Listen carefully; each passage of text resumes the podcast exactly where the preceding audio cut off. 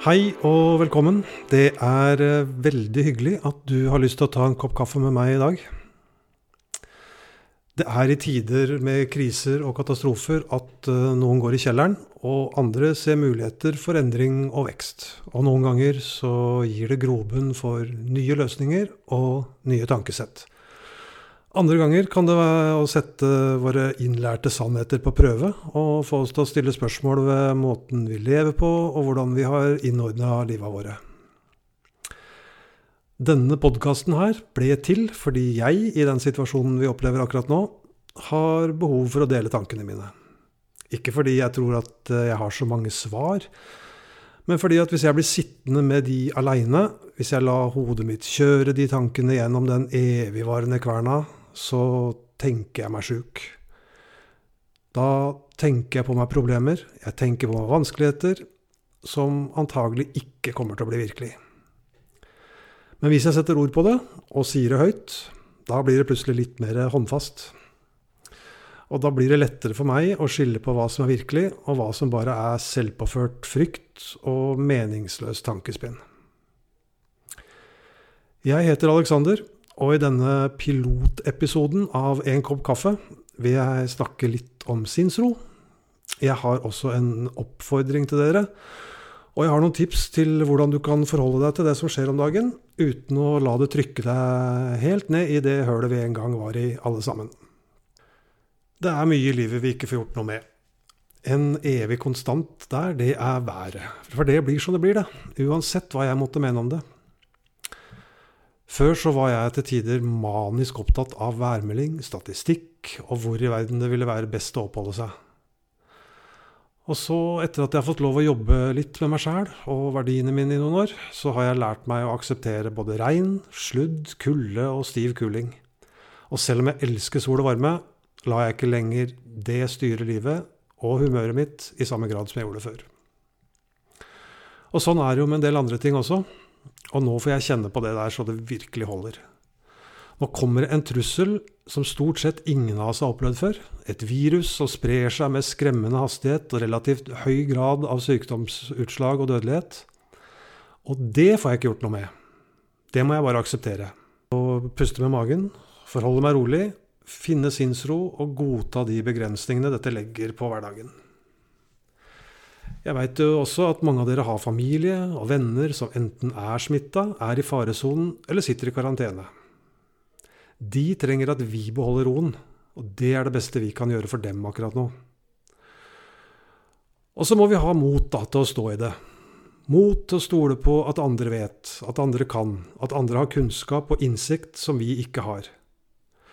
Vi må ha mot til å stå imot presset fra ungene som vil ut og leke med kameratene sine, mot å si nei til ungdommene som skal bare en tur til venninna si, mot å stole på oss sjøl og være trygge i våre egne liv.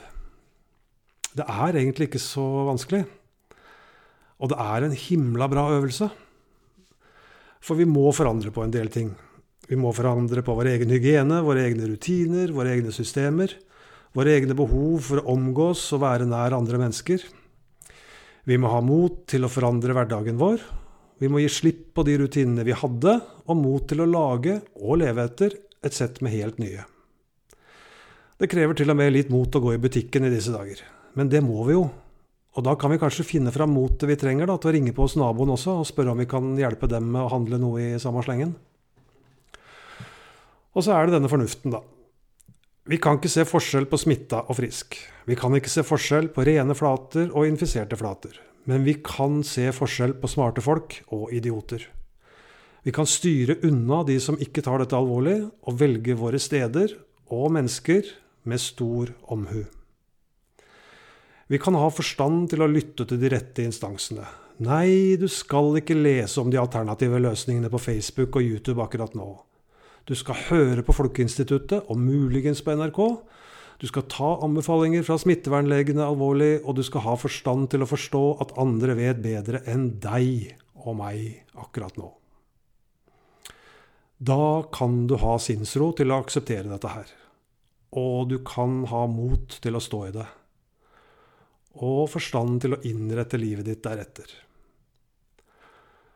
Og når det blåser som verst rundt øra og huet koker, så kan du stoppe helt opp. Lokk øya, trekk pusten dypt og rolig et par ganger.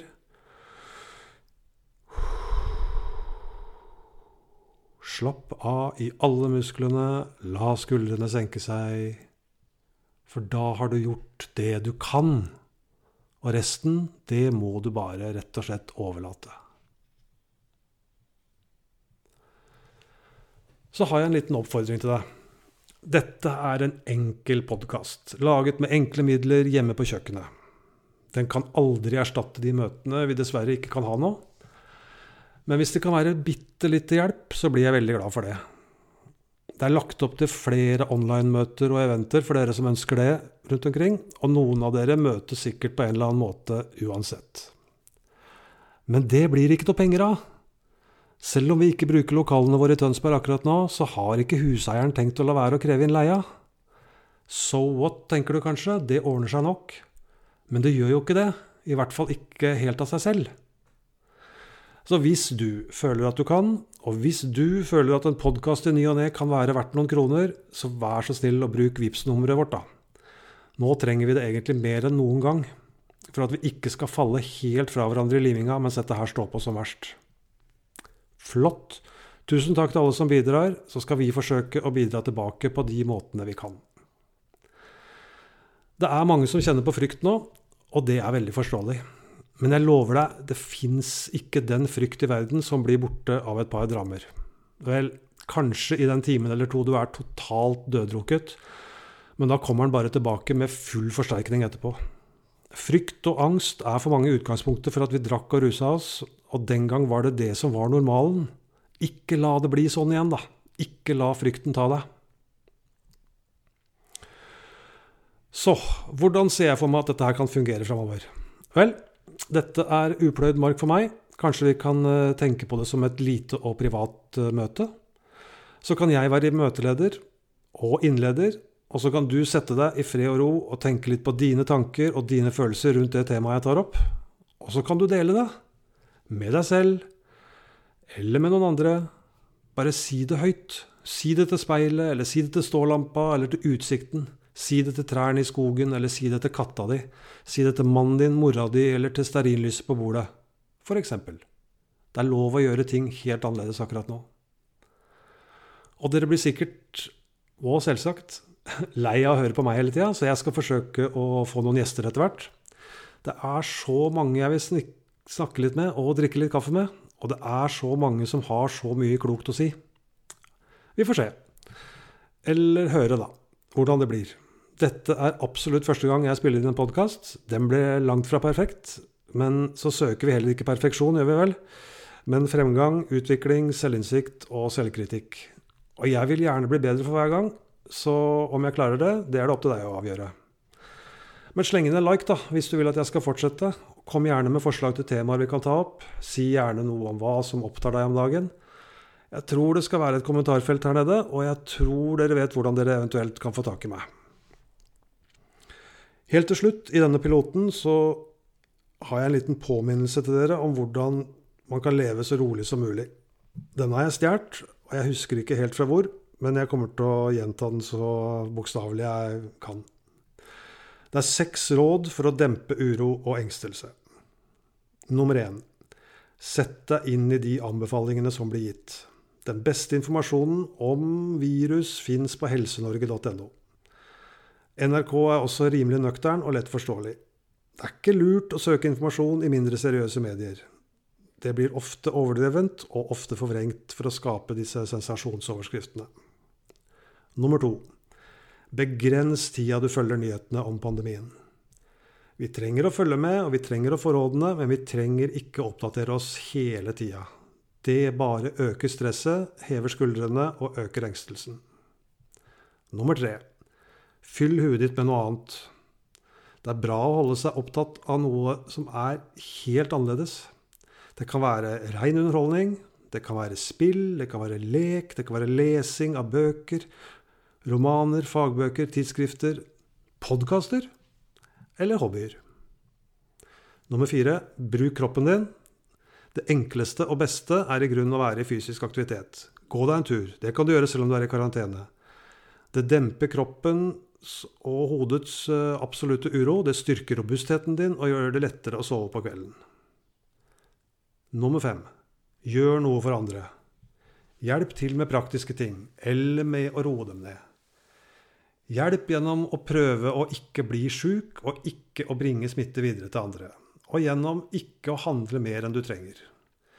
Det er også en hjelp for andre å dempe sin egen uro. Så kan du være en trygg person for de andre. Nummer seks behold døgnrytmen. Om du er hjemme, med eller uten barn, kom deg opp om morgenen, spis frokost, spis lunsj og spis middag på samme tidspunkt hver dag. Og så går du og legger deg, sånn som du pleier å gjøre.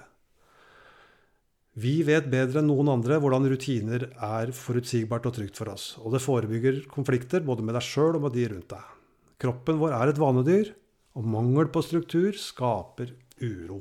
Jeg kan legge til nummer sju spis sunt. Tusen takk for at du ble med helt til slutt. Det blir ikke lenge til neste episode, altså. Eller skal jeg si første episode? Gå deg en tur helt alene, uten musikk, og bare opplev verden sånn som den er akkurat nå. Og så husk da å vippse litt om du kan. Så høres vi. Hei, hei.